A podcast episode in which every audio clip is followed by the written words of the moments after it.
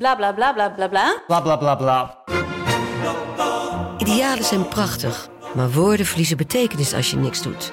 Dus laten we met z'n allen wat minder praten en meer doen. Bij Agmea zijn wij vast begonnen. Zo gaan wij voor minder verkeersslachtoffers, gezonde werknemers en duurzame woningen. Waar ga jij voor? Kijk op www.werkenbijagmea.nl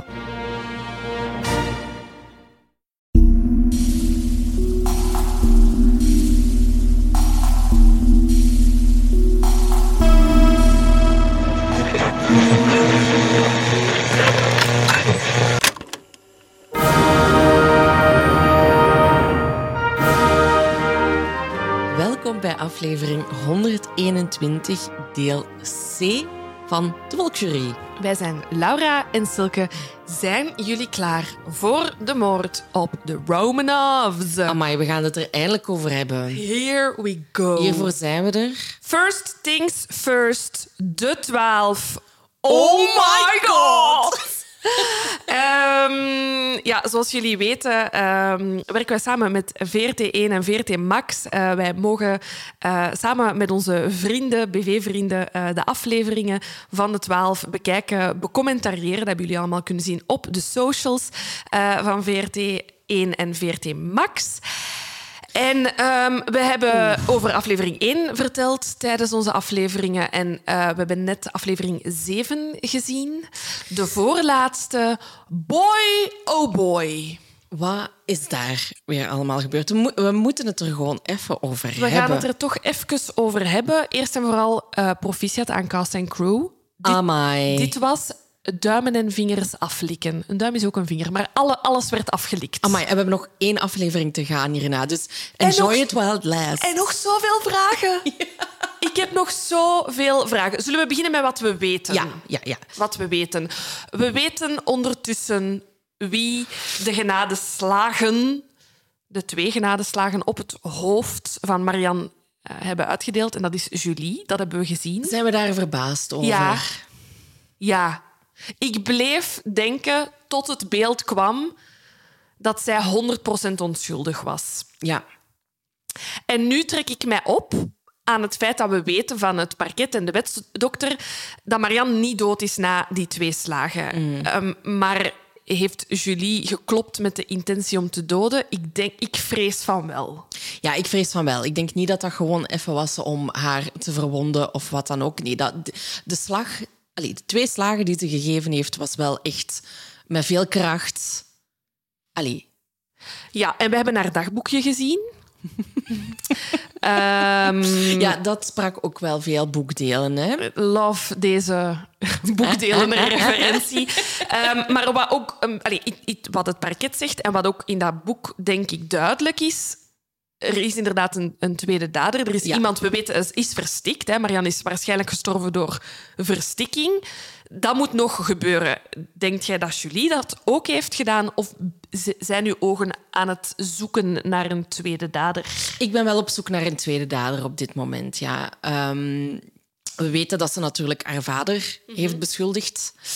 Maar, en hij heeft ook een heel emotioneel pleidooi gegeven over het feit dat hij dat gedaan heeft. Dat hij Marianne verstikt heeft. Oh, maar geloven Maar we dat? Ik geloof hem niet. Ik, omdat, zoals de, de, de voorzitter van de rechtbank, die stelt hem ook bepaalde vragen waar hij geen antwoord op geeft.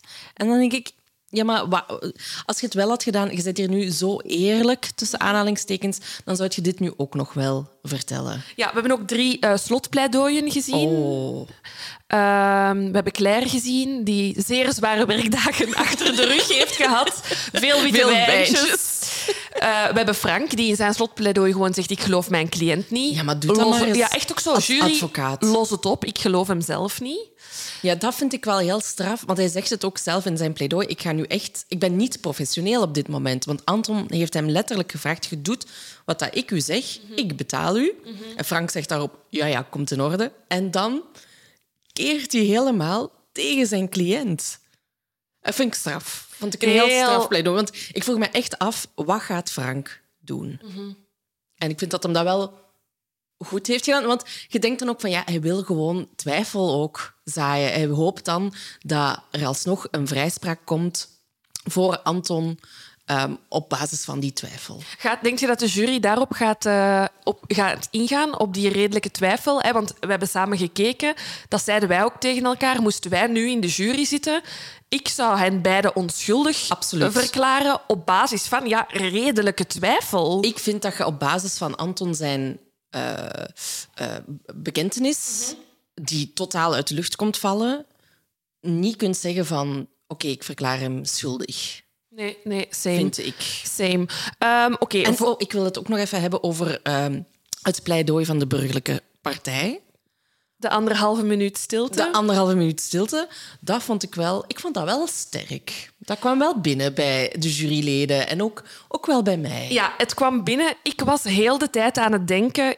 Iemand, eh zij het Pix, zij het Dennis, zij het Romy, zij het Julie, zij het Anton. Iemand gaat die stilte doorbreken. Ja, dat Maar- maar dat gebeurde niet. Maar dat maakte het heel... Het, het was heel sterk. Want ik denk ook, heel de tijd gaat het in die rechtbank over... Heeft het gedaan? Heeft hij het gedaan? En waar is Marianne? En, en tijdens die anderhalve minuut heeft denk ik wel echt iedereen aan Marianne gedacht. Ik ook. Dat was Mm. ja. het moment dat je echt zo even terugkwam op het feit van...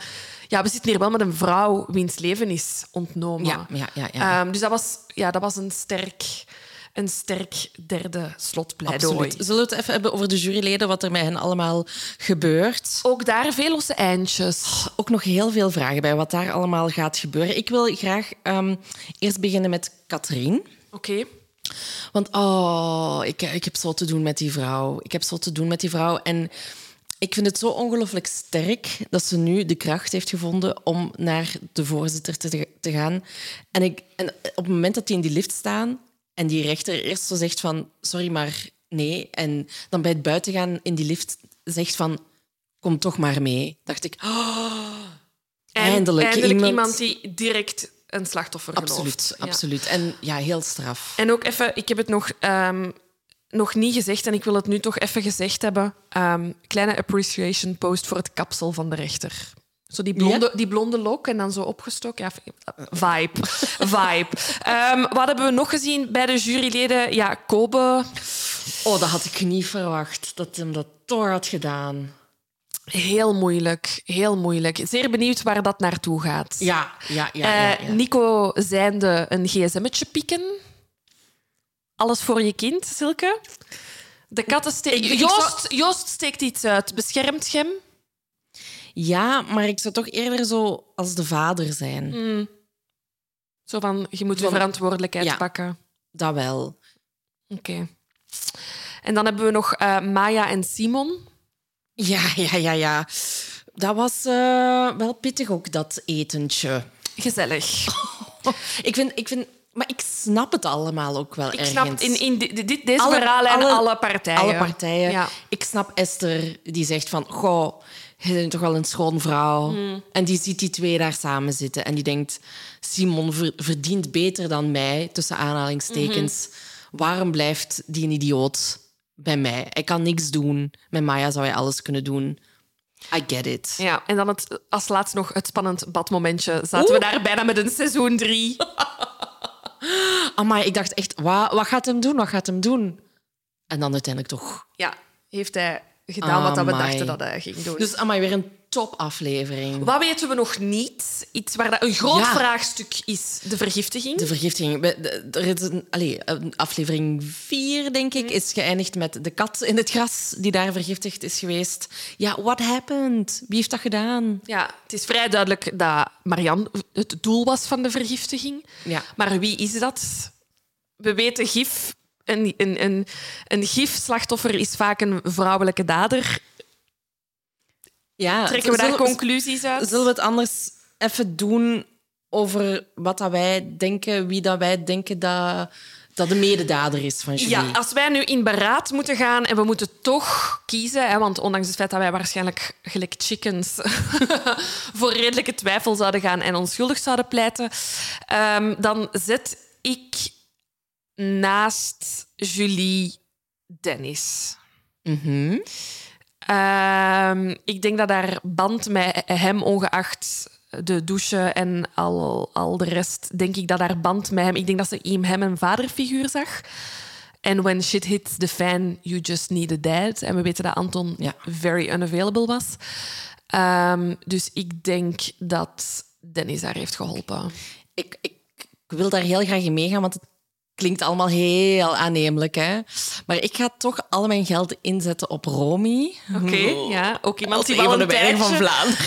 Ja, maar we hebben haar toch al een tijdje niet, toch? Ja. Ja, omdat... ehm, ja, ze is een beetje zo de underdog, vind ik, in dit verhaal. Hè. Ze is er wel. Ja, ze ik heeft- kan heel moeilijk hoogte van haar Ja, krijgen. inderdaad. En eh, wat aan mij wel heel erg bijgebleven is, is dat ze zoveel geld heeft gegeven Ja. aan Julie. Waarom zou je dat in godsnaam doen? Ja, daar hebben we ook nog geen antwoord op, dat klopt. Nee, dus ik denk dat die twee ja, hebben samengespannen. Waarom?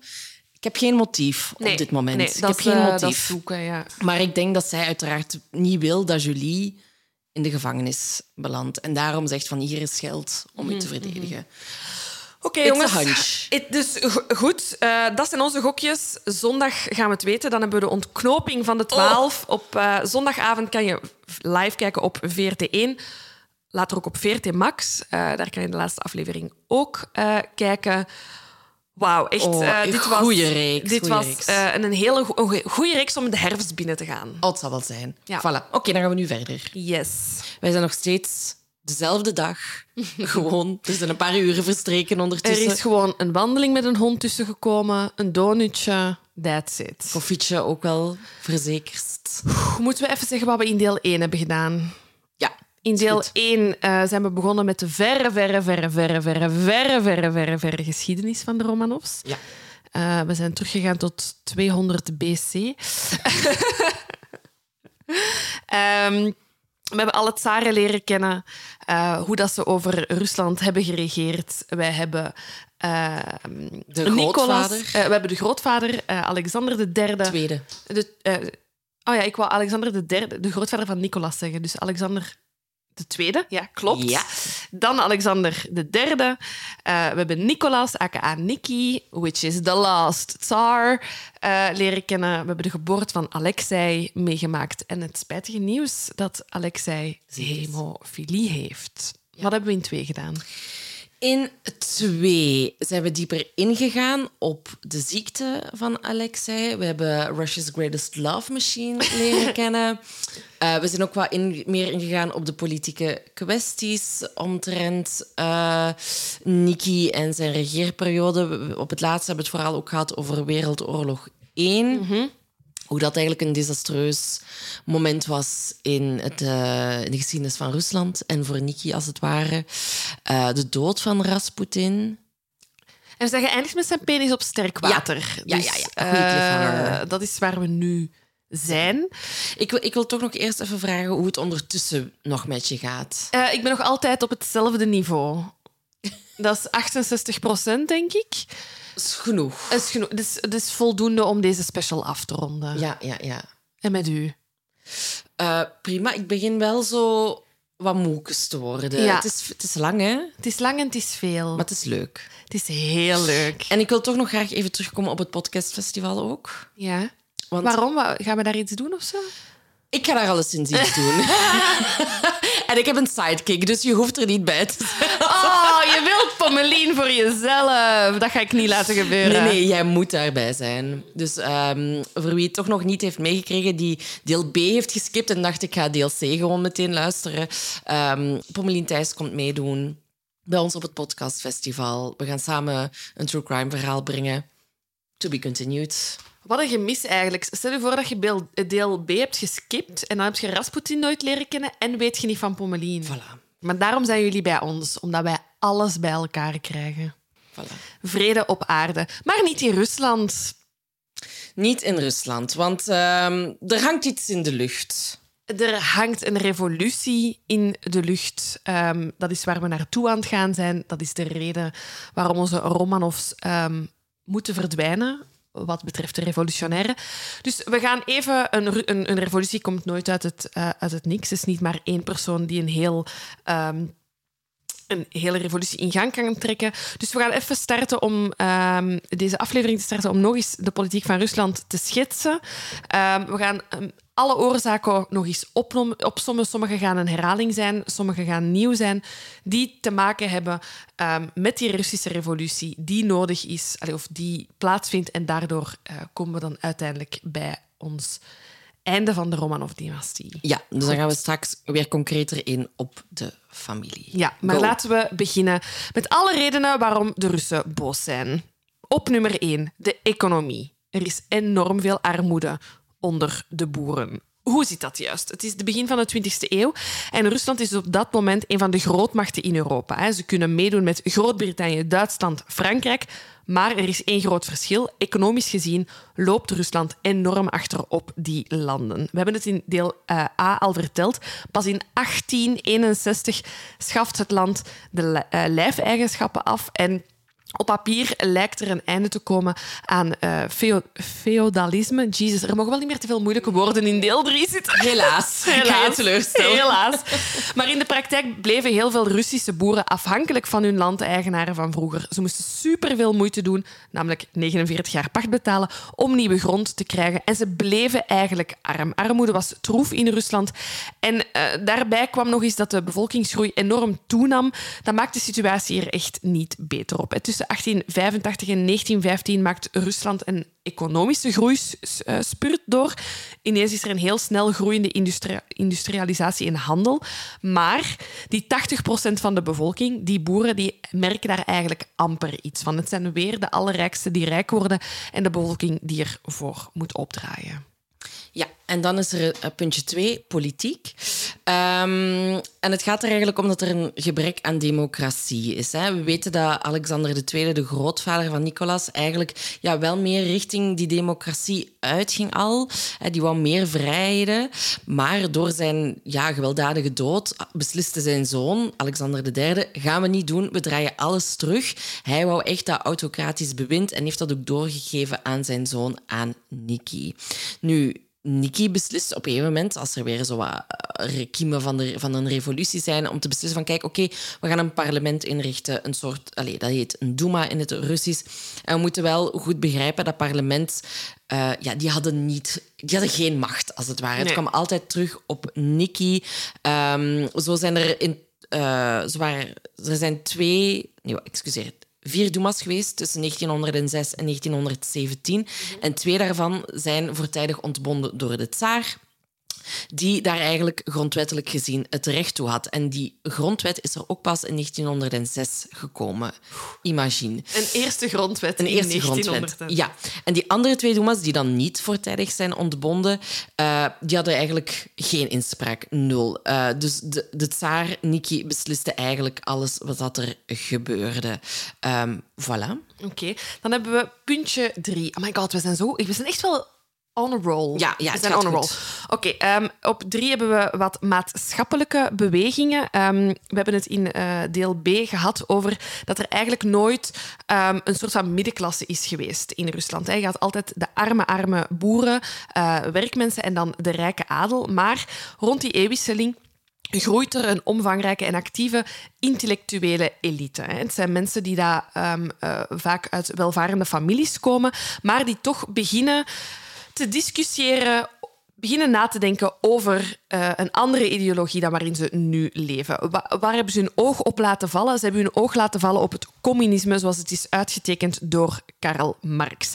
Ze eh, koppelen daar een radicaal politiek programma aan vast. En wat is hun doel? De macht grijpen.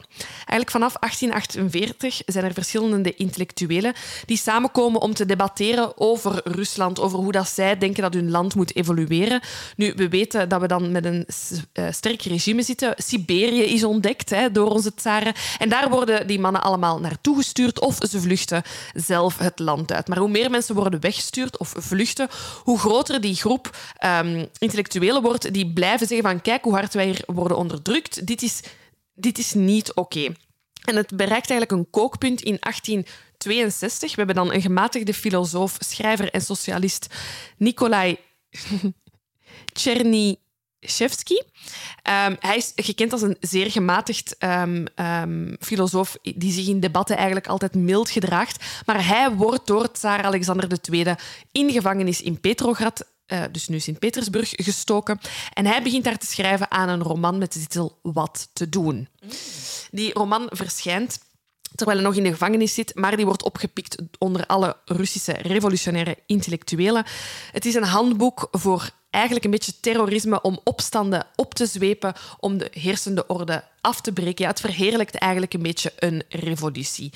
Um, en dus die uh, Russische publieke opinie, dus ook die arme boeren, raken eigenlijk ja, geprikkeld door al die gedachten. Hè. Die intellectuelen staan ergens wel boven hen, maar ze voelen wel dat die mensen hen verder kunnen helpen. Ja, die staan een beetje aan hun kant. Ik heb er eentje uitgelicht waar we niet omheen kunnen.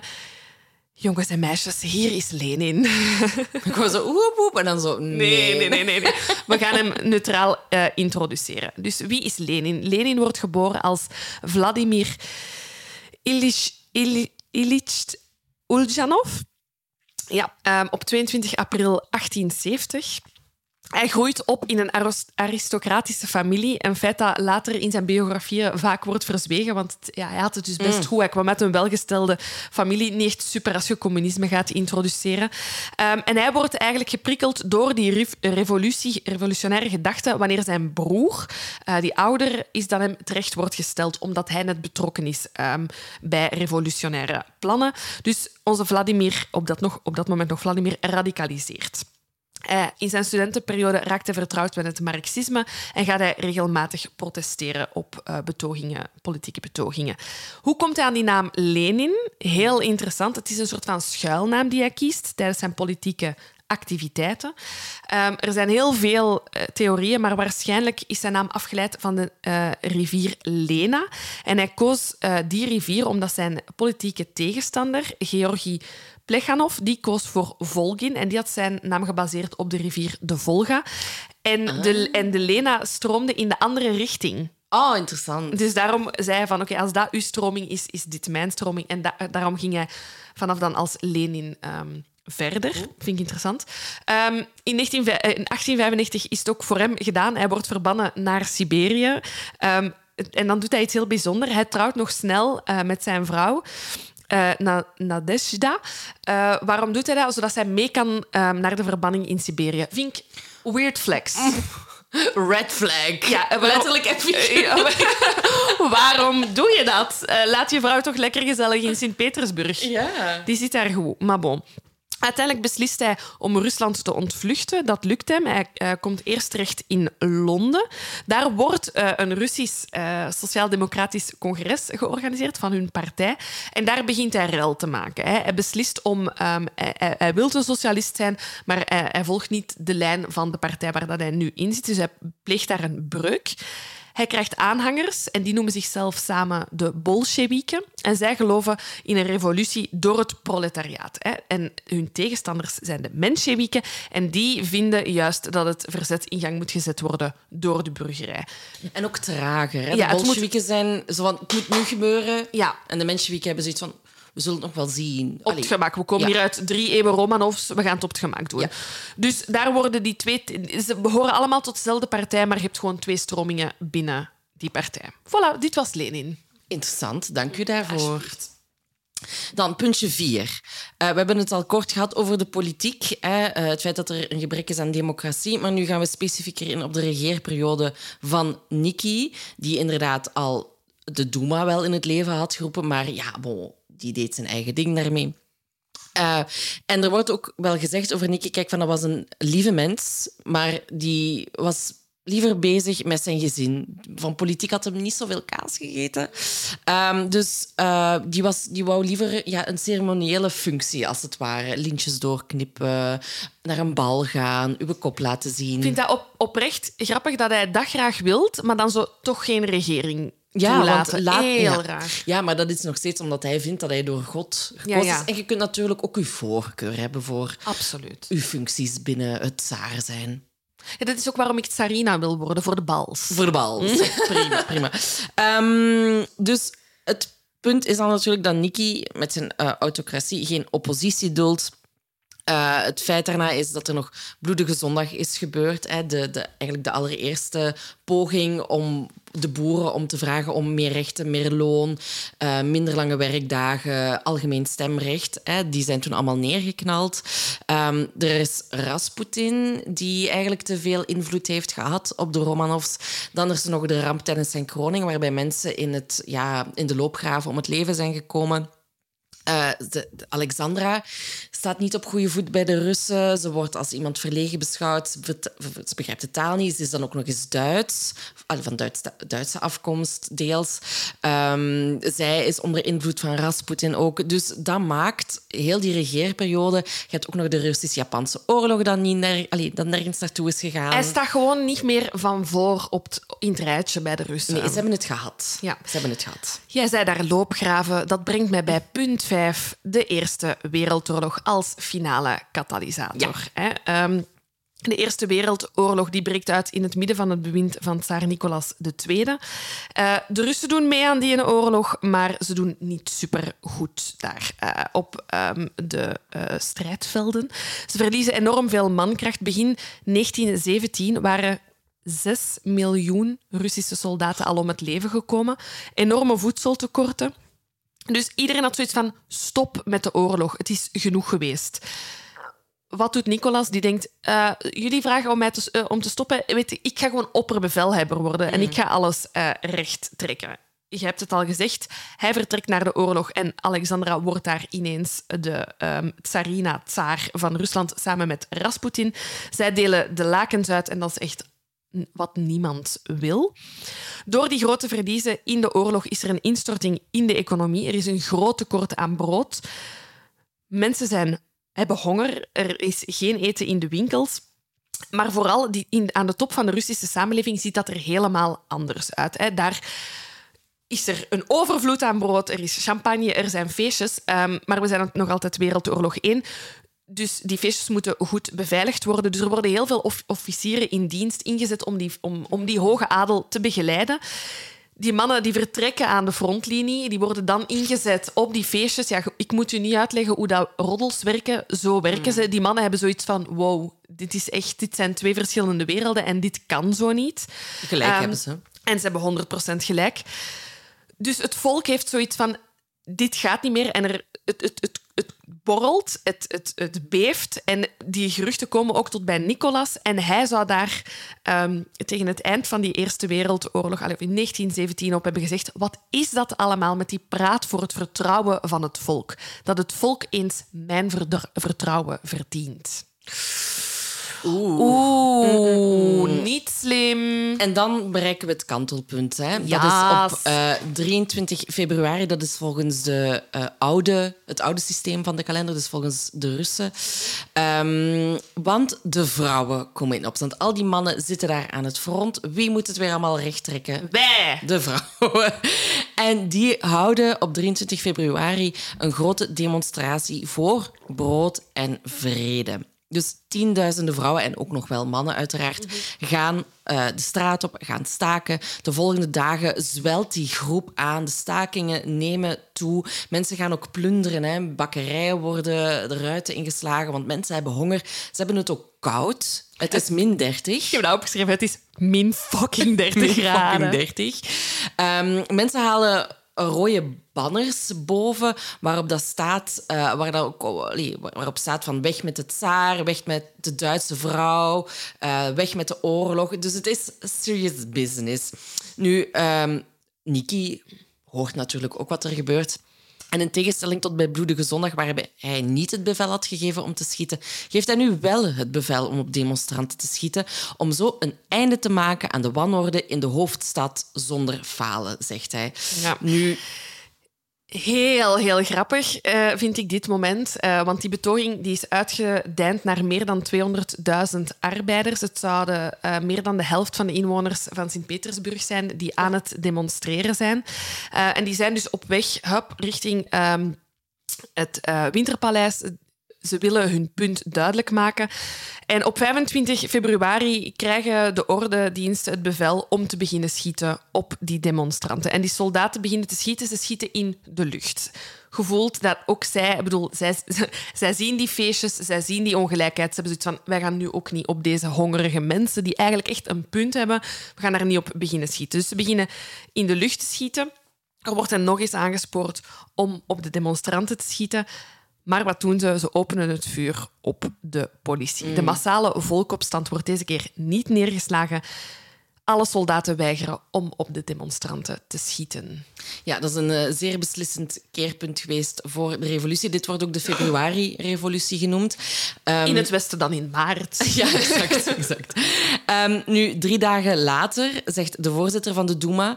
Uh, tegen Nikki van ja, we verkeren hier, de hoofdstad verkeert in een staat van anarchie. En Nikki weigert gewoon om dat te geloven en zegt dat die dikke Rodzianko, de naam van de voorzitter, hem alweer een hoop onzin had voorgelogen. Dus Nikki hoort de alarmbellen niet luiden. Um, nu, tot het einde van die februari-revolutie, Nikki toch wel echt beseft van oké, ik kan hier niet omheen. En hij stapt weg van de troon. Maar hij zegt, ja, maar ik kan niet... Ik bedoel, ik geef het gewoon door. Ik ja. treed wel af, maar ik ga het doorgeven. En hij kiest in eerste instantie voor zijn zoon Alexei. Maar dokters adviseren hem een paar uur later van... Mm, geen goed idee, want die jongen die gaat het niet lang trekken. Nee, ik vind dat opvallend. Dus dat inderdaad die hofarts zegt van één, uw kind gaat bijna sterven. Um, en dan, ik, als dat al niet overtuigend genoeg is, ik eh, weet denk ik die hofarts een hele goede manier te vinden om, om Nicolas toch op juiste gedachten te brengen. En hij zegt, als je de troon, als je aftreedt en je geeft de troon aan Alexei, gaat jij want jij bent persona non grata, waarschijnlijk niet bij je familie mogen blijven, want jij hoort er dan niet meer bij. Dus als je hem aan je zoon afstaat, gaat hij zijn leven apart leiden en gaat jij alleen achterblijven. En dat zal hem enorm geraakt hebben. Dus hij heeft zoiets van, oké, ik um, neem troonsafstand en ik neem namens mijn zoon ook troonsafstand. Ah ja, kijk, voilà. Dus wie is dan de volgende in, in de rij? Wie is de pineut? Michael. Ja, dat is Michael. En Michael, dat is de jongere broer van uh, Nicky. En die zegt, ja jongens, gaan we niet doen. Dus die weigert ook, omdat hij eigenlijk wil. Hij wil dat pas doen als het volk via een grondwetgevende vergadering mag stemmen over het voortbestaan van een monarchie of een republiek. Vind ik vooruitstrevend. Zeer vooruitstrevend. Het ding is dat het eigenlijk op juridisch vlak ook onmogelijk was, maar dat zal Michael niet geweten hebben, dat hij tsaar zou mogen worden. Want het stond in de wet, de grondwet, die vrij nieuw was, dat het verboden is om die titel door te geven als er nog iemand in leven is die boven u staat. Dus hij kon, Nicolas kon echt enkel aan Alexei ah, de troon geven. En daarbij is Michael getrouwd met een gescheiden vrouw die niet van adel is. Ah. Op dat moment mag niet. Kijk, dus het, ondanks zijn normen en waarden had hij het niet hij, gemogen. Hij had het hart op de juiste plek, maar volgens het boekje had het ook niet gepasseerd. Nee, maar wat, wat, ik bedoel, we hebben dus geen tsaar op dit moment. Dus uh, er komt een overgangsregering en daarmee komt ook een einde aan 300 jaar Romanovs.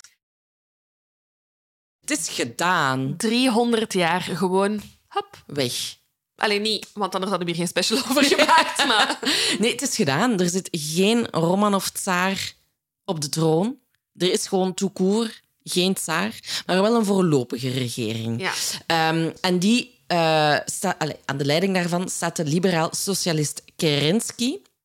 En terwijl dat die voorlopige regering wordt uh, in gang gezet, komen ook arbeiders, boeren en soldaten samen en die beginnen zich ook te verenigen in zelfbesturende Sovjets. Ah, ah het woord is gevallen, Silke. Oh my god. Leg het dat, uit. Dat, dat betekent dus raden. Echt, het lampje ging aan in mijn hoofd toen ik dit Die leerde. Die rode lamp ging branden. Dus Sovjet-Unie is gewoon de unie van de raden. Ja, ja heel bijzonder. Laat ons, het, het enige wat gesteld kan worden, ik ga geen uitspraken doen over dit land en communisme of democratie, maar het feit dat je beseft dat als je land uit een zesde van de wereld bestaat, dat je meerdere raden nodig hebt, vind ik al een, een intelligente stap vooruit. Dat is het enige wat ik erover wil zeggen. Nu, het probleem het probleem is, is dat die Sovjets, hè, dus die raden van boeren en soldaten en arbeiders, die hebben het zo niet met die voorlopige regering. Die, de, de voorlopige regering, regering die wil eigenlijk blijven vechten tijdens die Eerste Wereldoorlog en eh, regeren ook weer opnieuw met harde hand. Dus alle tegenbewind wordt weer weggestoken.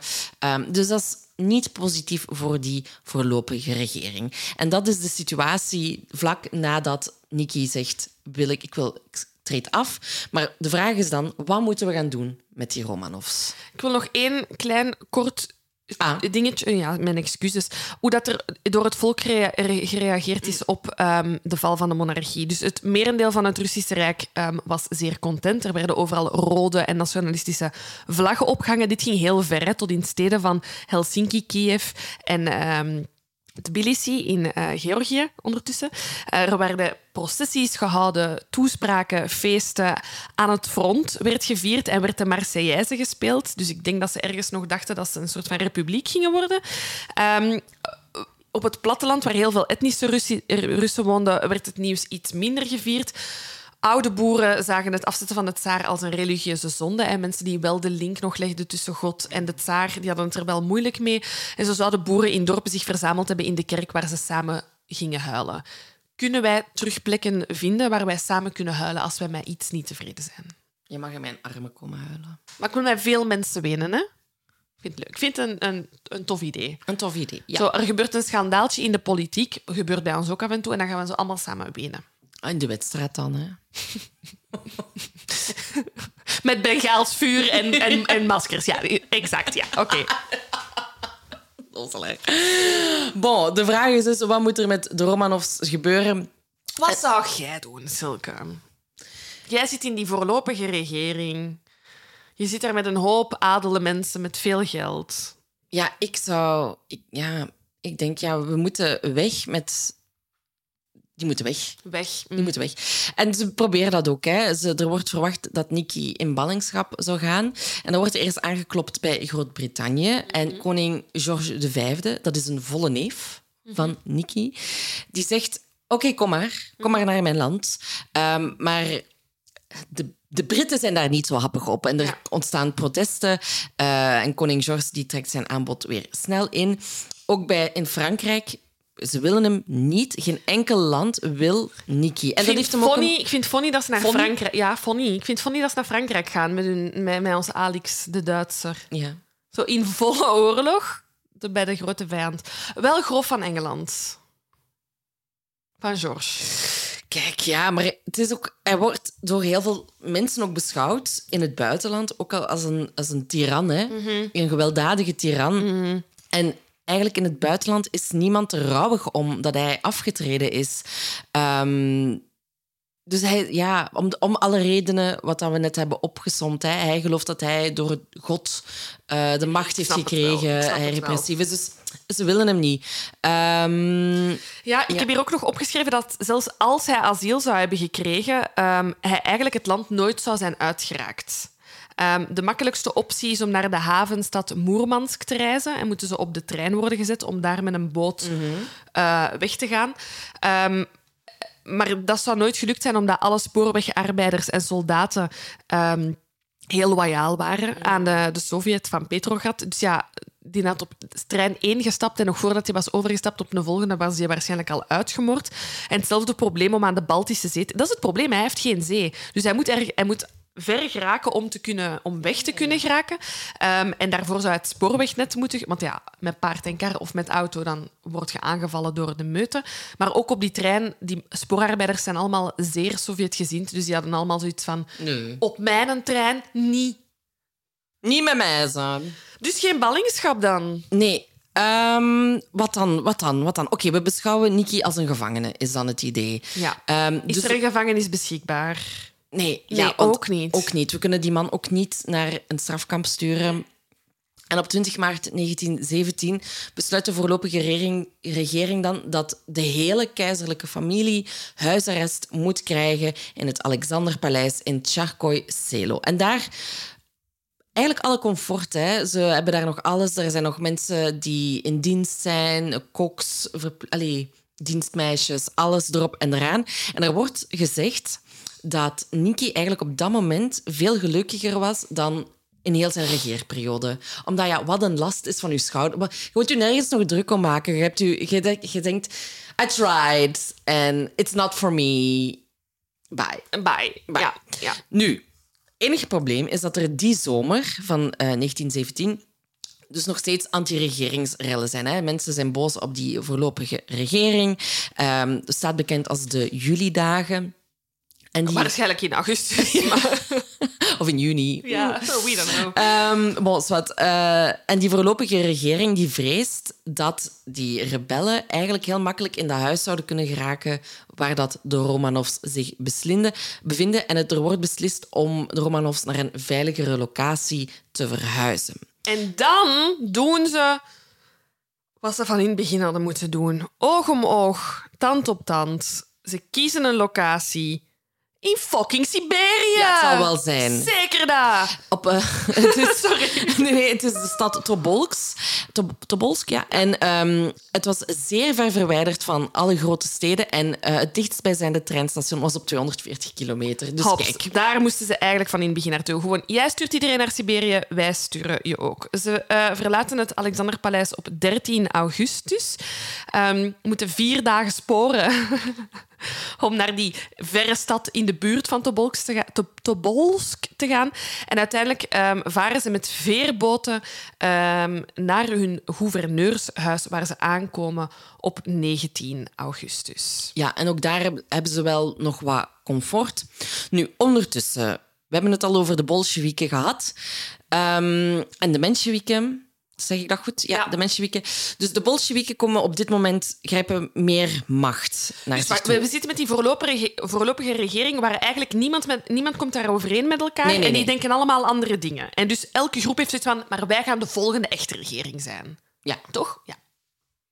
ik vind dat dat goed Ik klinkt. denk dat dat juist is. Hoe dat ik het in mijn hoofd had, is dus dat je die voorlopige regering hebt en dat je dan daarnaast nog Bolsjewieken hebt, Ja. Waar dan ook nog de, allee, de de aftakking, Ja. is. Ik weet niet wie dat er in de voorlopige regering Ik denk dat zit. in de regering zitten verschillende partijen. Misschien ook mensen met bolshevik-ideeën Gedachtegoed. en, en. Maar de twee grote groepen die niet content zijn, komen allemaal uit die socialistische partij. Enerzijds bolsjewieken, rood, mensjewieken, wit. Wit. Ja. En het zijn Dit de is- gaat rode... niet over huidkleur, dit is gewoon hun kleur van hun... hun hoe zeggen ze dat? Hun teamkleur. Tien kleur, voilà. Ehm, dus de rode, Mhm. die worden machtiger hè, onder de invloed van Lenin. En ehm, zij willen eigenlijk de voorlopige regering omverwerpen. Eh, en Lenin heeft trouwens ook de steun van Duitsland, omdat hij beloofd heeft de Eerste Wereldoorlog te zullen beëindigen. Ik vind het wel straf dat je steun hebt van Duitsland, de aardsvijand van iedereen op dat moment. Maar ik vind dit ook... ah, moest Lenin 4045 hebben gehaald, which he didn't, like, how tables turn, snap je? ja. Ik vind het heel fascinerend hoe dat je bond... Ik bedoel, er is op 100 jaar tijd zoveel veranderd daar en altijd nieuwe bondgenoten, altijd nieuwe... Heel, heel fascinerend. Nu, eh, Lenin richt ook de Rode Garde op. Dat is een paramilitaire groep die bestaat uit gewapende boeren, fabrieksarbeiders, overgelopen soldaten. Dus een hele mishmash aan mensen bij elkaar. Zeer gevaarlijke mensen bij. En op 27 oktober 1915 eh, pleegt de, die Rode Garde 17.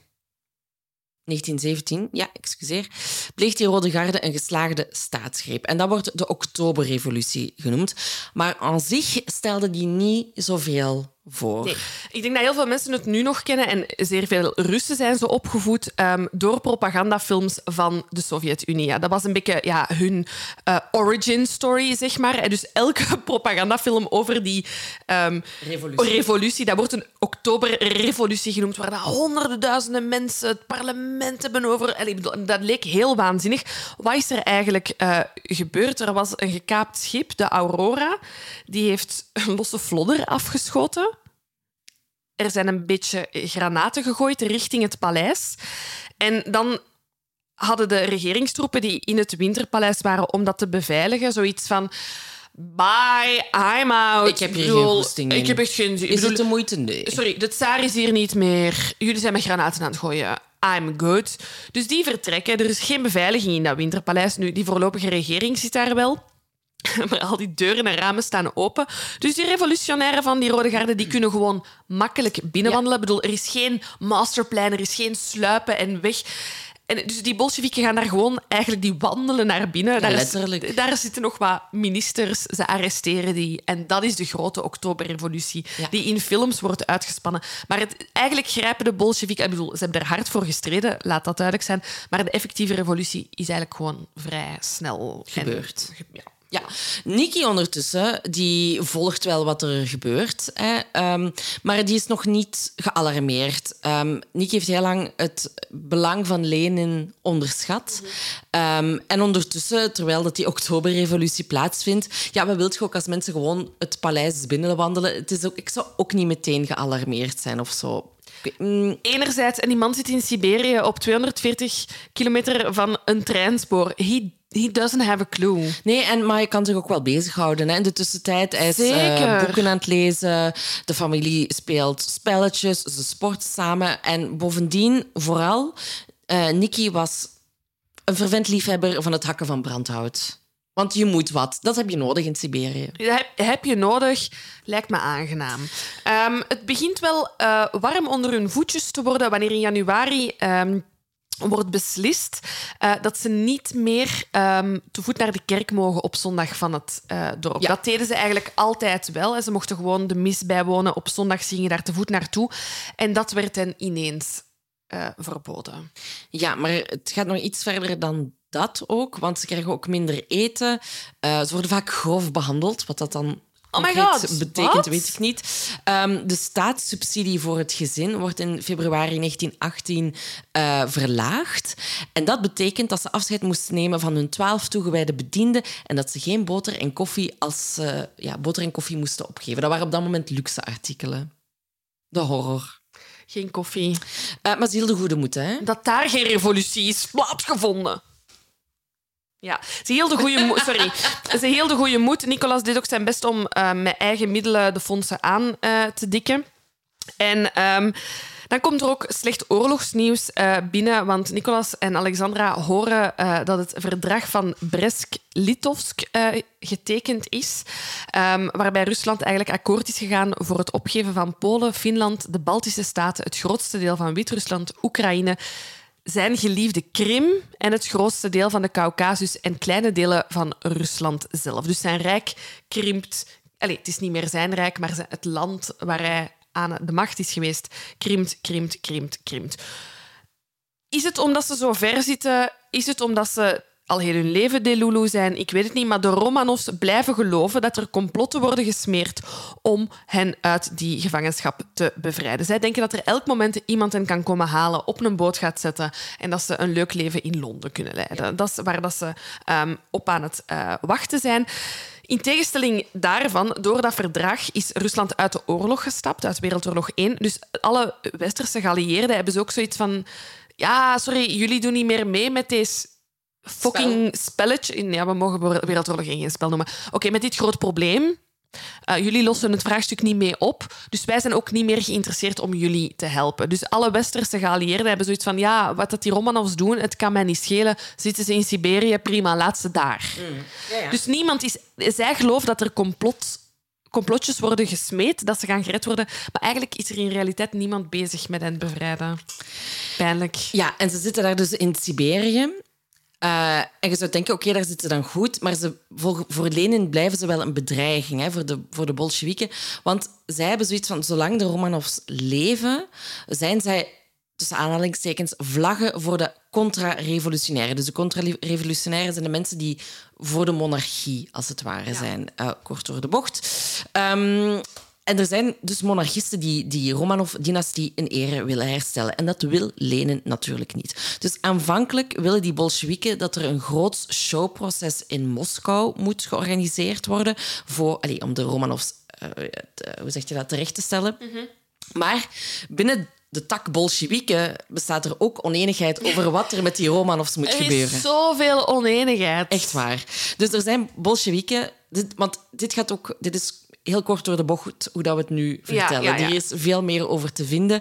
Ehm, maar er zijn dus Bolsjewieken die willen dat de Romanovs overgebracht worden naar Jekaterinenburg, Mhm. omdat daar de kans minder groot is dat het witte leger, dus wit en rood, hè, Mhm. we hebben hier de anti-Bolsjewieken en pro-tsaar, Nicolas en, en zijn familie daar zouden komen bevrijden. Hè. Ze willen ten koste wat kost dat de Romanovs in de handen blijven van de Bolsjewieken, zodat zij de macht hebben over wat dat er met die familie gebeurt. Uiteindelijk worden zij ondergebracht in een huis in Jekaterinenburg. Ehm, ook weer opnieuw een groot herenhuis. Maar dit, deze keer was het huis omringd door een hek. De ramen waren dichtgetimmerd. Er hing overal krantenpapier op de ramen. Eh, er mocht nooit een raam opengezet worden. Het is met veel vijven en zessen dat, ze, dat de Romanovs dan uiteindelijk te horen krijgen van oké, je mag toch eens een raam op een keertje zetten. Ehm, dus het was een heel streng regime. Ze werden vaak vernederd en lastiggevallen door hun bewakers. Ja. En degene die aan het hoofd stond van die bewaking, of van het huis daar, was een zekere Jakov, Jakov Jurovski. Hij was door de Sovjet aangesteld als commandant van het huis. Ja, ik denk dat ze nu heel dicht bij een ehm, gevangenis zitten, voor Ja. het eerst eigenlijk. Inderdaad. Ehm, het huis heet het Ipatjev-huis. Ehm, en het werd onheilspellend het huis met een speciaal doel genoemd. Zullen we even richting dat speciale Ja. doel gaan? Ehm, je hebt het al gezegd, de Romanovs zijn vlaggen voor de contra-revolutionaire. Dus er wordt onder de top van die Bolsjewieken bekokstoofd van wat gaan we hiermee doen. Uiteindelijk wordt er beslist op 16 juli dat het tijd is om de Romanovs te executeren als er goedkeuring komt uit Moskou. Niet vergeten, we zitten heel, heel Ja. ver. Er wordt een telegram gestuurd ter dubbelcheck naar Moskou, naar Lenin, om te vragen van Gaan we dit doen? say yes and we good. En er is een antwoord gestuurd, dat is vastgesteld. Er is nooit een spoor van dat document teruggevonden. Stond daar een go op, stond daar een ja op, een niet, we gaan het niet weten. Wat dat we wel weten is, het is 17 juli 1918, het is twee uur s'nachts. En de zeven Romanovs en hun vier bedienden, dat zijn de lijfarts van de tsaar, het dienstmeisje van zijn vrouw, de chefkok en een lakij, worden gewekt. Die waren trouwens, die hadden ervoor gekozen om vrijwillig bij de familie te blijven. Hè? Die mensen. Ja. Ja, heftig. Dus die worden om eh, twee uur s'nachts gewekt. En ehm, er wordt hen gezegd dat er ehm, een dreiging is, dat er anti-bolsjewistische anti-bolsjewistische ja, groepen rond die Jekaterinenburg eh, zich aan het verzamelen waren en dat de familie in veiligheid moest worden gebracht, want als het huis zou beschoten worden, zouden ze komen te sterven. Ja, want die anti-Bolsjewistische troepen die zijn natuurlijk pro de tsaar. Mhm. Maar you never know dat er een kogel maar verkeerd moet terechtkomen. Ja, ja. Dus de familie zou in veiligheid worden gebracht in de kelder van de woning. Ehm, Nicolas moet Alexei op zijn rug dragen naar beneden, want ehm, die had recent nog iets voorgehad. Eh, die kon niet stappen. Dus heel de familie met z'n zevenen plus eh, vier, dus elf in totaal, dalen de kelder af. Ze worden daar in een kelderruimte gestoken, die is eigenlijk volledig leeg er ontstaat eigenlijk onmiddel- onmiddellijk verwarring van... Sorry, maar je wilt ons in veiligheid brengen, maar waarom is, kunnen we iets krijgen van een stoel? Er worden twee stoelen gebracht, eentje voor eh, Alexandra en eentje voor Alexei, die ja, niet kan staan. En dan, niet veel later, komt er een executiepeloton de kamer binnen. Ja, het is onze Jacob, de commandant eh, van het huis. Die komt aankondigen dat er eigenlijk ja, eh, dat de Oeral-Sovjet van arbeiders afgevaardigden heeft besloten om hen te executeren. En Nicky heeft zoiets van, what the fuck, wat zegt jij? Maar echt zo letterlijk. Hij draait zich om naar zijn familie, kijkt hen nog aan en ehm Jacob haalt het herhaalt eigenlijk het bevel nogmaals. En Nicky heeft nog gezegd, je weet niet wat dat je aan het doen bent. Waarop eigenlijk de beulen hun pistolen hebben getrokken en beginnen schieten. Nicolas, Alexandra en twee van de mannelijke bedienden zijn eigenlijk de eerste die stierven. Nikki wordt meerdere keren in de borst geschoten. Alexandra stond op dat moment een meter, op een meter van de schutters. Heeft toegezien hoe haar man en die twee bedienden eh, ja, neergeschoten zijn, als het ware. Waarop dat dan vervolgens eh, de geweren op haar worden gericht. Zij heeft zich nog instinctief weggedraaid, als het ware. Heeft nog een kruisteken willen maken, maar voordat ze dat gebaar heeft kunnen afmaken, is ze door één enkel schot uh, gedood. Die kogel is net boven haar linkeroor, haar hoofd binnengedrongen en is er op dezelfde plek langs haar rechteroor weer uitgekomen. Dus die vrouw was onmiddellijk, Onmiddellijk dood. dood. En dan is Ehm, er nog... Oh, sorry. Oh nee, Nee, zeg maar. dan is er nog Anastasia, Tatjana, Olga en Maria. Die overleefden in eerste instantie die eerste kogelregen. En dan vraag je je af, hoe zou dat komen? Nu ja, die meiden die droegen onder hun kleren 1,3 kilogram diamanten, kostbare edelstenen, die ze nog snel hadden meegenomen, in hun kleding genaaid. En dat heeft eigenlijk luguber genoeg bescherming geboden Ja, tegen die kogelregen. Eh, eigenlijk een, uit zichzelf een kogelvrije vest gemaakt. Exact. En dit is ook zo, dit is denk ik een van de enige dingen dat ik wist over het einde van de Romanovs. Ja, dat is iets dat, ze- dat, dat mensen altijd zeggen dat zij die juwelen in hun kleren hadden gestoken. Ehm, omdat die kogels niet werkten, eh, werden de bajonetten bovengehaald en. ehm, werden eh, de vier meisjes neergestoken. Eh, er wordt getuigd dat Anastasia eigenlijk als, als, als laatste nog in leven bleek te zijn. En dat zij dus echt ehm, eh, enkele keren is moeten neergestoken worden met zo'n eh bajonet om echt ja, haar het leven te ontnemen. dan is Ehm, er nog Alexei. Alexei is ehm, enkele keren neergeschoten, maar leek nog te leven. En dan hebben ze hem van dichtbij moeten afknallen. Ja, hoe dat ik het heb gelezen, is dat hij eigenlijk nog steeds in die stoel zat, Oh. doodsbang. Voor de, dus die schutters hebben zich eerst op de rest van zijn familie gericht. Ah, ik, heb dat hij samen, ik, denk, ik heb dat hij na zijn mama is neergeschoten. Ah, maar, maar hij zal inderdaad way. ook wel neergeschoten zijn toen, maar hij bleek nog in leven te zijn. Ja, ja, ook ja. omdat hij ehm, ja, in zijn hemd die kostbare edelstenen had zitten, net zoals bij zijn zussen. En uiteindelijk heeft ehm, de commandant van het huis twee schoten in het hoofd Mhm. van Alexei geschoten. Waanzinnig. ja, waanzinnig. alles heeft minder dan 20 minuten geduurd. Ja. En hun lichamen eh, worden terug naar boven gesleept en worden begraven eh, met zwavelzuur eh, over de lijken gestrooid, eh, zodat ze ja, sneller zouden ontbinden en worden in een verlaten mijnschacht gegooid. Ja, en zij zijn niet de enige Romanovs die vermoord worden. Hè. Eh, zo is er ook nog de zus van Alexandra, Elisabeth. Die, eh, wordt daar, die wordt naar een mijnschacht gebracht, wordt daar levend ingegooid. En haar echtgenoot die, was daar ook mee naar onderweg. Maar die was zich aan het verzetten. En die is dan neergeschoten en dan is zijn lichaam in zo'n mijnschacht gegooid. En ook Michael, dat is degene die de troon weigerde, ook hij wordt enkele dagen voor de eh, Romanov-familie vermoord wordt, ook vermoord. Nu, ehm, einde van de Romanovs. En de Bolsjewieken die gaan door. Die komen uiteindelijk aan de macht in 1922. Eh, die, hebben, die winnen dan tegen de anti-communisten. En daarmee wordt de Sovjet-Unie een feit. En het Rusland wordt communistisch. Ehm, ik zal even heel kort uitleggen. Ga eens even kort door de bocht. Wat is communisme? Maar ik heb dat hier van het internet geplukt en het internet heeft mij gezegd dat het communisme een idee is dat uitgaat van een gemeenschappelijk bezit van productiemiddelen waarbij iedereen produceert wat hij kan en maar alleen de producten gebruikt die hij of zij nodig heeft. In de ideale situatie ontstaat daardoor geen ongelijkheid in de maatschappij en is er geen staat of geld nodig. I have some questions. Ja, inderdaad. Dus het is, het is voorbij. De communisten zijn aan de macht en we gaan richting Stalin. Dat is Dat is waar we nu zijn. Ja. Eh, en dat gaan we allemaal overslaan.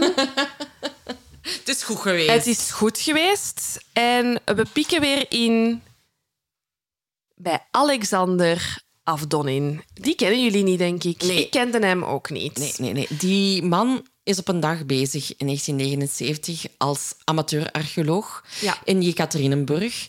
Ehm, ondertussen heeft dat de naam Sverdlovsk gekregen. En die man is zeer geïnteresseerd in de geschiedenis van de stad, de folklore, dus ook in dat van de Romanovs. Ja, hij heeft een hele leuke anekdote als, als kind.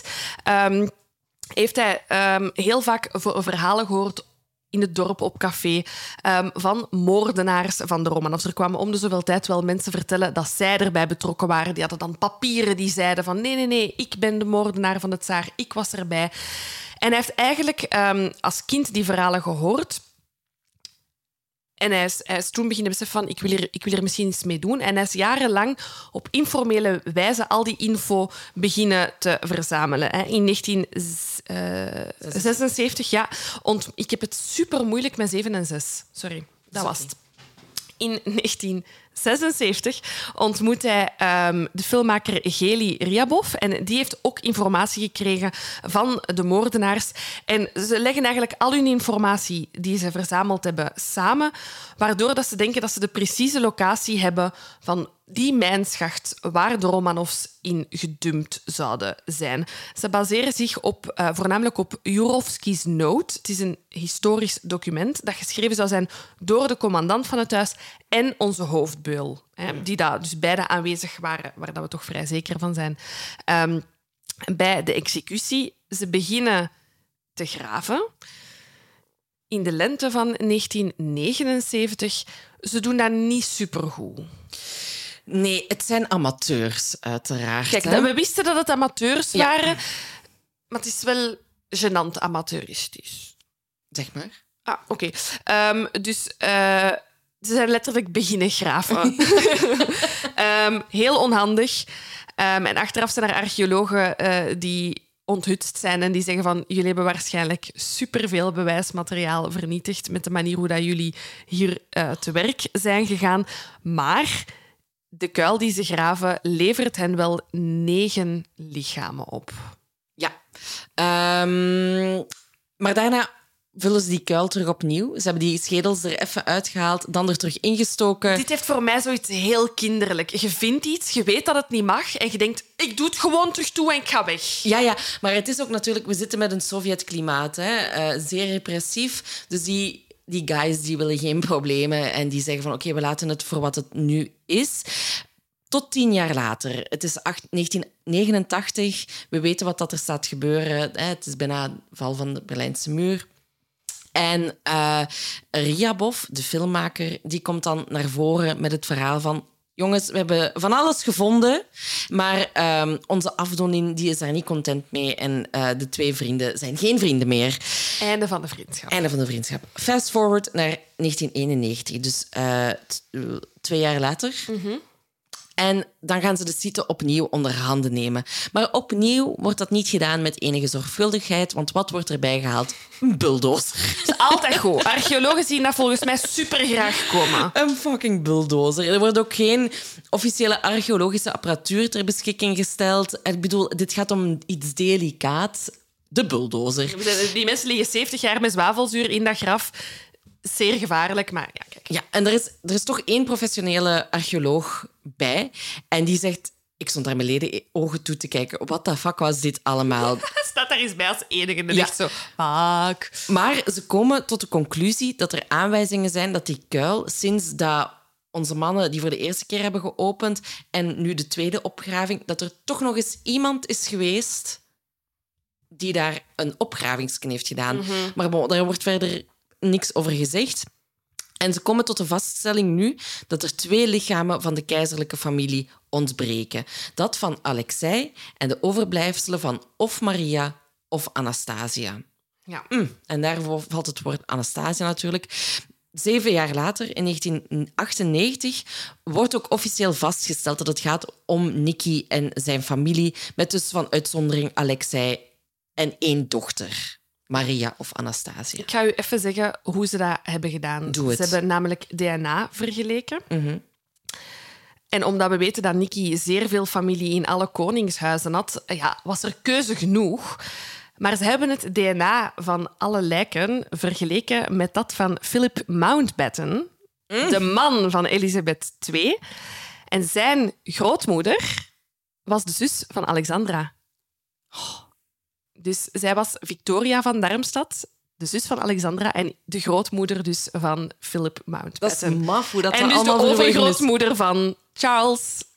Ja. Insane, insane. Ja, dus waanzin. Ja. Um, wetenschappers gaan er eigenlijk vanuit dat um, het enige vrouwelijke lichaam dat nog niet gevonden is, dat van Anastasia zou moeten zijn. Mm. Omdat um, geen van de vrouwelijke skeletten die ze op dat moment gevonden hebben, tekenen vertoonden van een soort van onvolwassenheid. Er waren botten nog niet volgroeid. En uh, Anastasia zou op dat moment 17 jaar geweest zijn. Dus zij concluderen van, ja, zij is het jongste vrouwelijke lid. Dus het kan goed zijn dat zij het niet is. Dat dit dan gaat om Maria. Dus van Anastasia en Alexei is nog geen spoor. Ik vind het ook waanzinnig dat wij allemaal zo dat verhaal van Anastasia kennen, terwijl dus Alexei ook nog vermist is. De haar opvolger. Um, maar dat zo de focus op die vrouwen ligt. Ja, vind ik heel fijn. Um, de andere overblijfselen hè, van de bedienden, die worden ook bevestigd. Het gaat inderdaad om de dokter van de familie, hun lakij, hun kok en dienstmeid. Uh, na dat DNA-onderzoek wordt de familie bijgezet uh, in de Sint-Petrus- en Pauluskathedraal in Sint-Petersburg op de 80ste verjaardag van hun moord. En opvallend is dat uh, die ceremonie wordt bijgewoond door de Russische president Boris Yeltsin, die zegt: Vandaag is een historische dag voor Rusland. Jarenlang hebben we gezegen over deze monsterlijke misdaad, opmerkelijk, maar de waarheid moet worden uitgesproken. Ja, ik denk dat dat gewoon wel ook de opinie van het...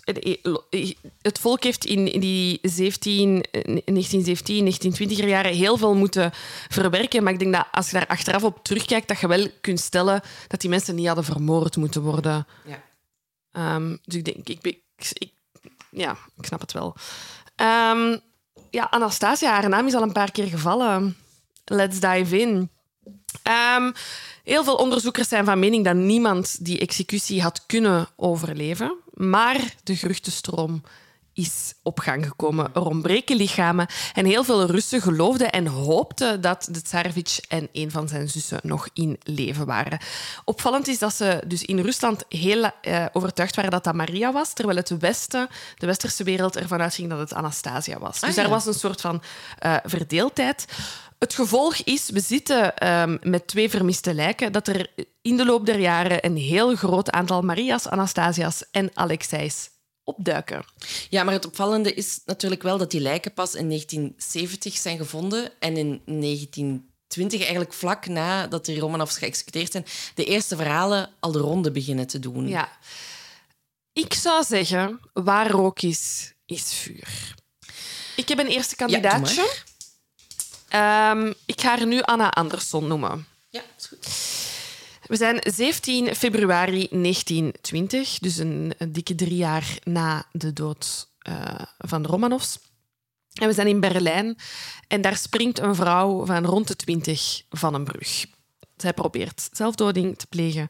Maar de poging mislukt, want ze wordt gered uit het water door een politieofficier. De vrouw heeft geen identiteitsbewijs bij, geen geld bij. Um, wat doet je met zo iemand? Die brengt haar een psychiatrische instelling. Blijkbaar. Daar wordt ze Vrouwlijn Onbekant genoemd, uh, dus de onbekende vrouw. Ze blijft daar twee jaar. Ze weigert zich te moeien in gesprekken. Ze wil niks vertellen. Uh, als mensen foto's van haar willen nemen, flipt ze volledig.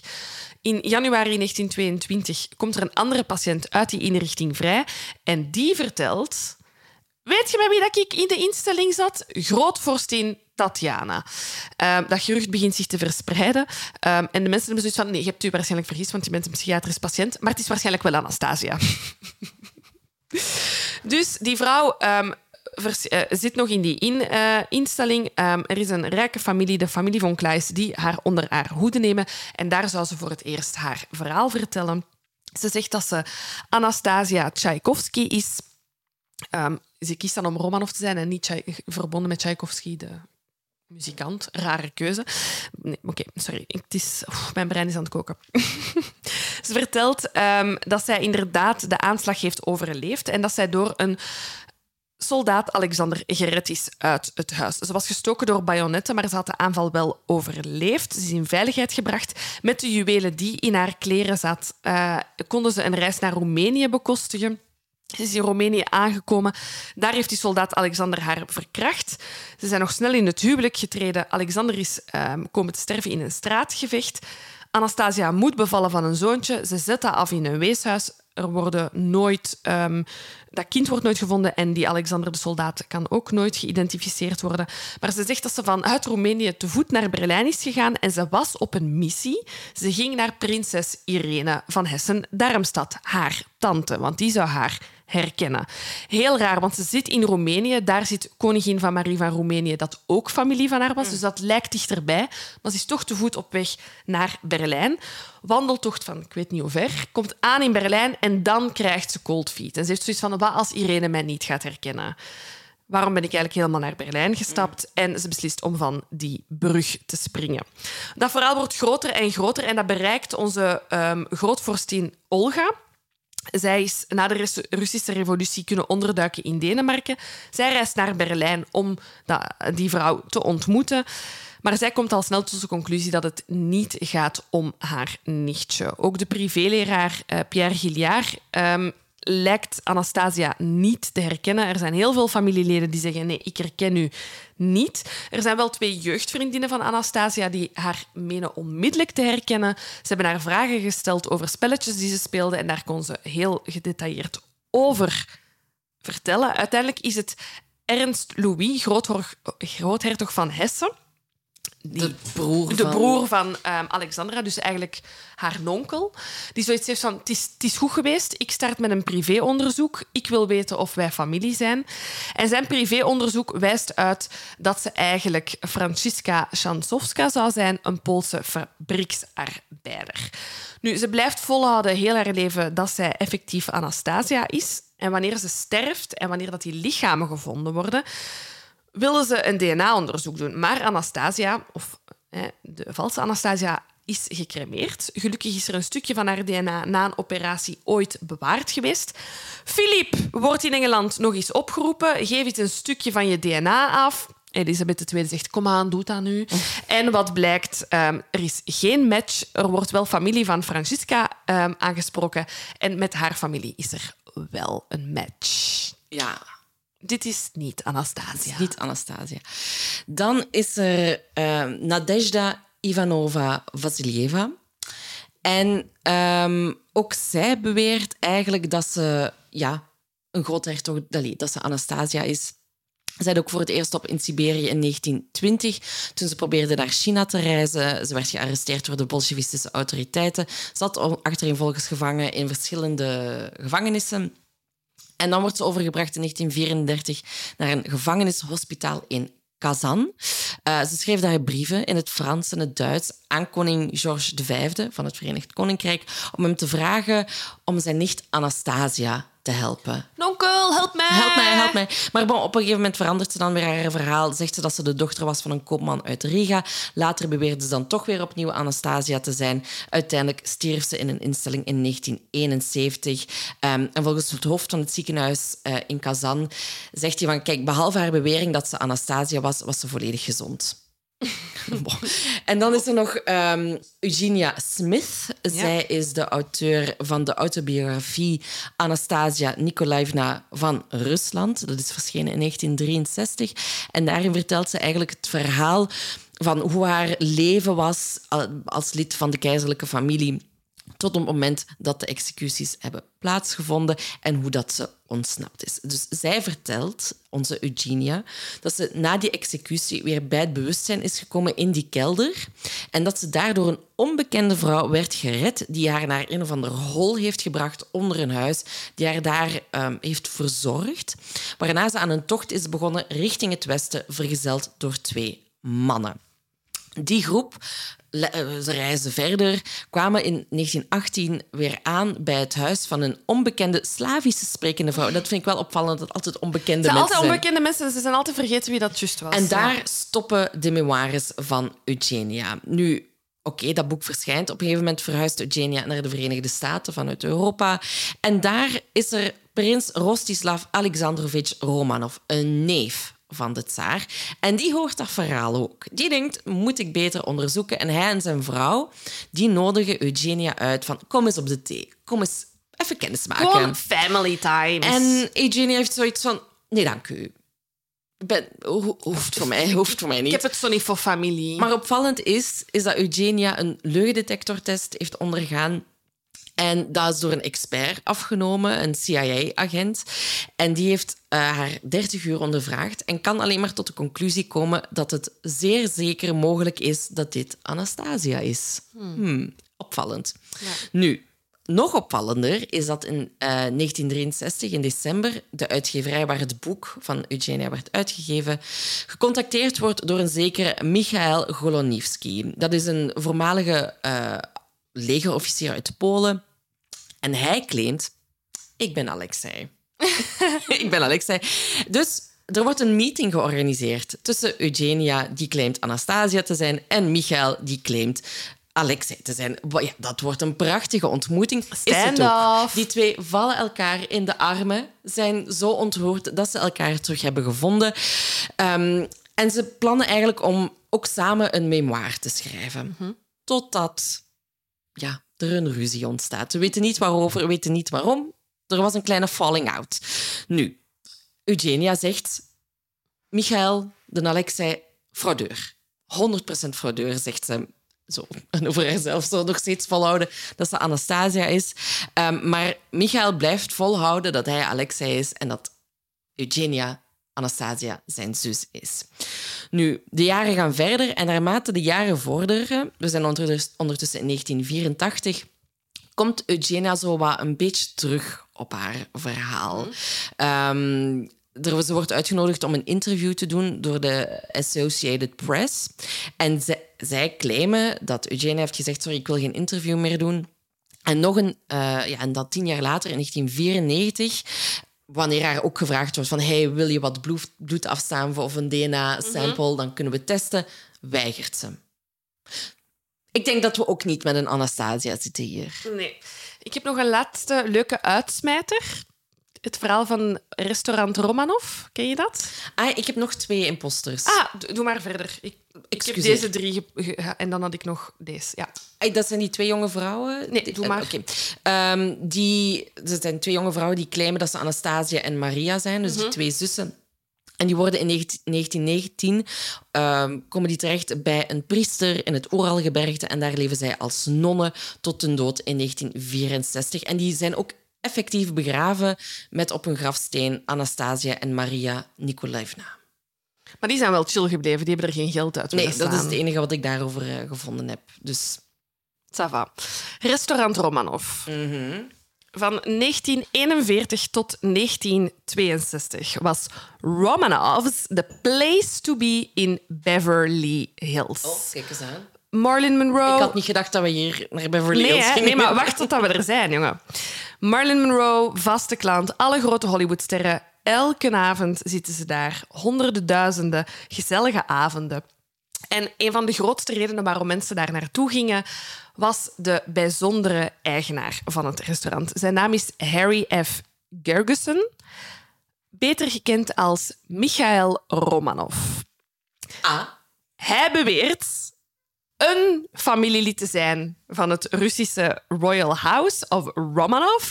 Hij heeft nooit gespecificeerd... House of Romanov. House of Romanov. Hij heeft nooit gespe- gespecificeerd eh, was, wat de juiste relatie, wat de bloedband was, maar hij beweerde wel een Romanov te zijn. Hij gaf het restaurant ook de naam Romanov. En ik ga u zelfs meer zeggen, jij hebt dit restaurant zeker en vast al gezien, want er is een heel iconische foto genomen in het restaurant. Je hebt een foto van de grote superster Sophia Loren. Die kijkt naar de decolleté van Jane Mansfield. En dat is in restaurant, restaurant Romanov, die foto. Ja, dus die, ik ga hem zeker in de aflevering, Moet in de doen. zetten, waarin dat ze met een blik naar de boezem kijkt, is in restaurant Romanov. interessant. Kijk, als ik er een iets leuk van weetje. Hollywood kan insteken, dan doe ik het graag. Hè. Ah, kijk hoe, dat wist ik niet, had ik niet gezien. Voilà. Dank u voor dit Dat heb ik ook, dit, dit wist ik al, dat heb ik er dus zo in gestoken. Kijk Het bestaat ook niet meer, helaas. Oh, jammer. Ja. Nu, fast forward naar 2007. En er is weer een amateurhistoricus aan het werk in de buurt van Jekaterinaburg. En die vindt daar de botten van een jongen en een meisje. Op 70 meter van de oorspronkelijke site waar dat de lichamen gevonden zijn. Ik heb veel vragen. Ik vind 70 meter te dichtbij om niet Ja, te vinden in de nee. eerste Graving. opgraving. met een fucking bulldozer bezig. Je bent toch zo op die, Die, 70 die zaten, zo is dat die bulldozer gereden is en is beginnen graven en dat die onder die, Ja, ja, ja, ja. Onder die bulldozer zaten. Ja, ja, ja, inderdaad. Dus ehm, het onderzoek wordt opnieuw geopend naar de dood van de keizerlijke familie. En in 2008 blijkt uit DNA-tests van een Amerikaans laboratorium dat die botfragmenten toebehoorden aan twee kinderen van Nikki. En het zou gaan om Alexei en een dochter. En aangezien we vermoeden dat uh, Marie al eerder was, werd gevonden, denken ze nu dat het om Anastasia gaat. Um, en het is ook zo dat er dat het allemaal uniek DNA is. dus het is niet dat die botresten van die vrouw die bij het tweede graf gevonden zijn, eh, botresten zijn die horen bij een lijk dat in het eerste graf is gevonden. Um, nu, waarom zouden die in een apart graf liggen? Ook volgens die Jurovski-note, het, het, mhm. verslag van de commandant, die zeggen van ja, er zijn, zouden twee lichamen uiteindelijk uit het hoofdgraf gehaald zijn en gecremeerd op een onbekende plaats, ja, 70 meter verder dus, om um, mensen op een verkeerd spoor te zetten dat dit om de keizerlijke familie en hun, uh, en hun bediende ging.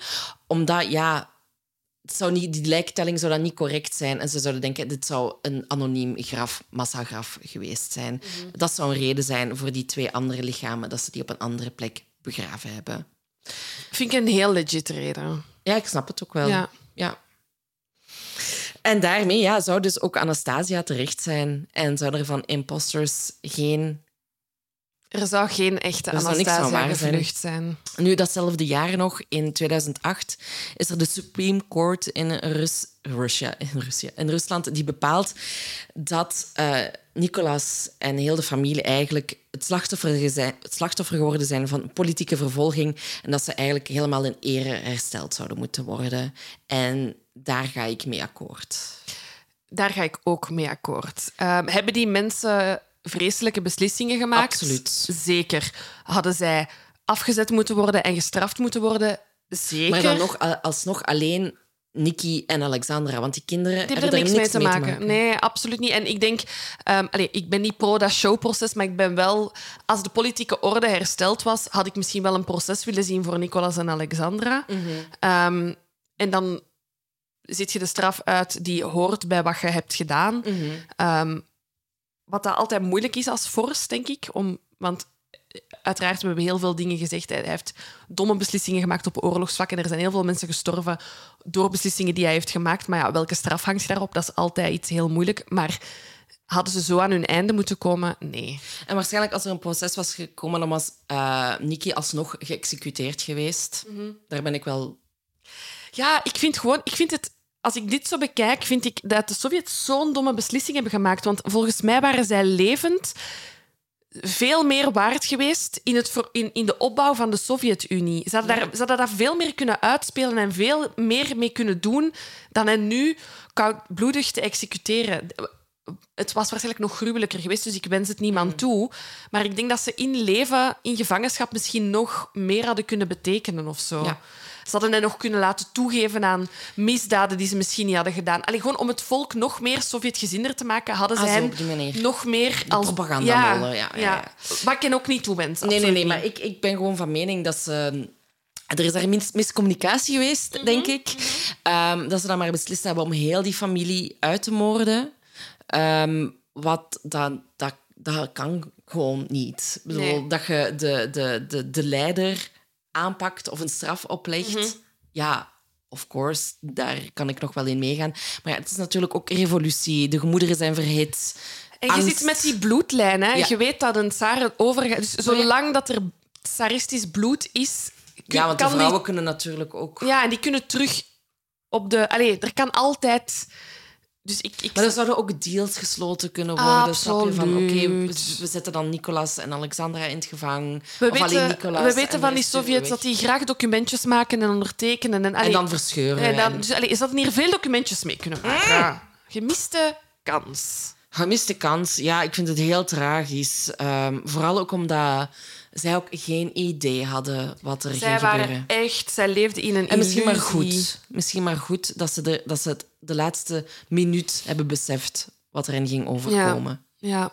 ja dat denk ik wel echt. Ja, ik denk dat dat een schamele troost is. Ja. Um, alleen jammer dat die juwelen het, het leed dan wel groot hebben gemaakt, mhm. omdat het een lijdensweg natuurlijk ver, ver, ja, langer heeft gemaakt. Ja, ik had ook heel graag die juwelen nog gezien.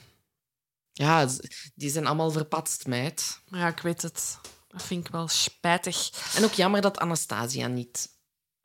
Maar um, ik blijf het ding is, ik weet wel, er is DNA-onderzoek gedaan, en, Mhm. maar het blijft Rusland. Het blijft niet super helder in communicatie. Dus ik blijf hopen. Het, het, zou, het komt Rusland het beste uit dat zij niet meer in leven is. Ja, maar ik ben ervan overtuigd dat ze niet meer in leven is. Ik ook, maar ik hoop, Hoop. van niet. Ja, oké, oké, daar kan ik hem volgen. Goed, ik hoop dat jullie ervan ehm, genoten hebben van deze special bij Alleszins Wel. Ja, het was eh, een zalige deep dive. Amai, dat is echt een rabbit hole geweest. Mij gaan ze niet meer liggen hebben. Ik ga ook wel, ik bedoel, ik heb wel een vraag. Worden alle Russen nog altijd Alexander en Nicolas genoemd? Stop daarmee, er zijn betere opties. het is heel verwarrend. Ehm, dat vond ik het eigenlijk het moeilijkste. het, het, het, het moeilijkste de namen? ja, Snap ik. Eh, kan er wel in komen. Daar zijn we vaak over gestruikeld. ja, Maar het geeft voor mij ook weer een heel goed perspectief aan voor het Rusland van nu. Hoe dat Poetin heel Zeker. graag de Krim er weer bij wil. Ik bedoel, het geeft, je komt van een zesde van de wereldoppervlakte. Ja. En je zit nog groot. Maar dit is, de, dit is waar Poetin terug naartoe wil. Voor de voor Poetin wil een tsaar zijn. ver- verpesten voor iedereen, voor alle tsaren.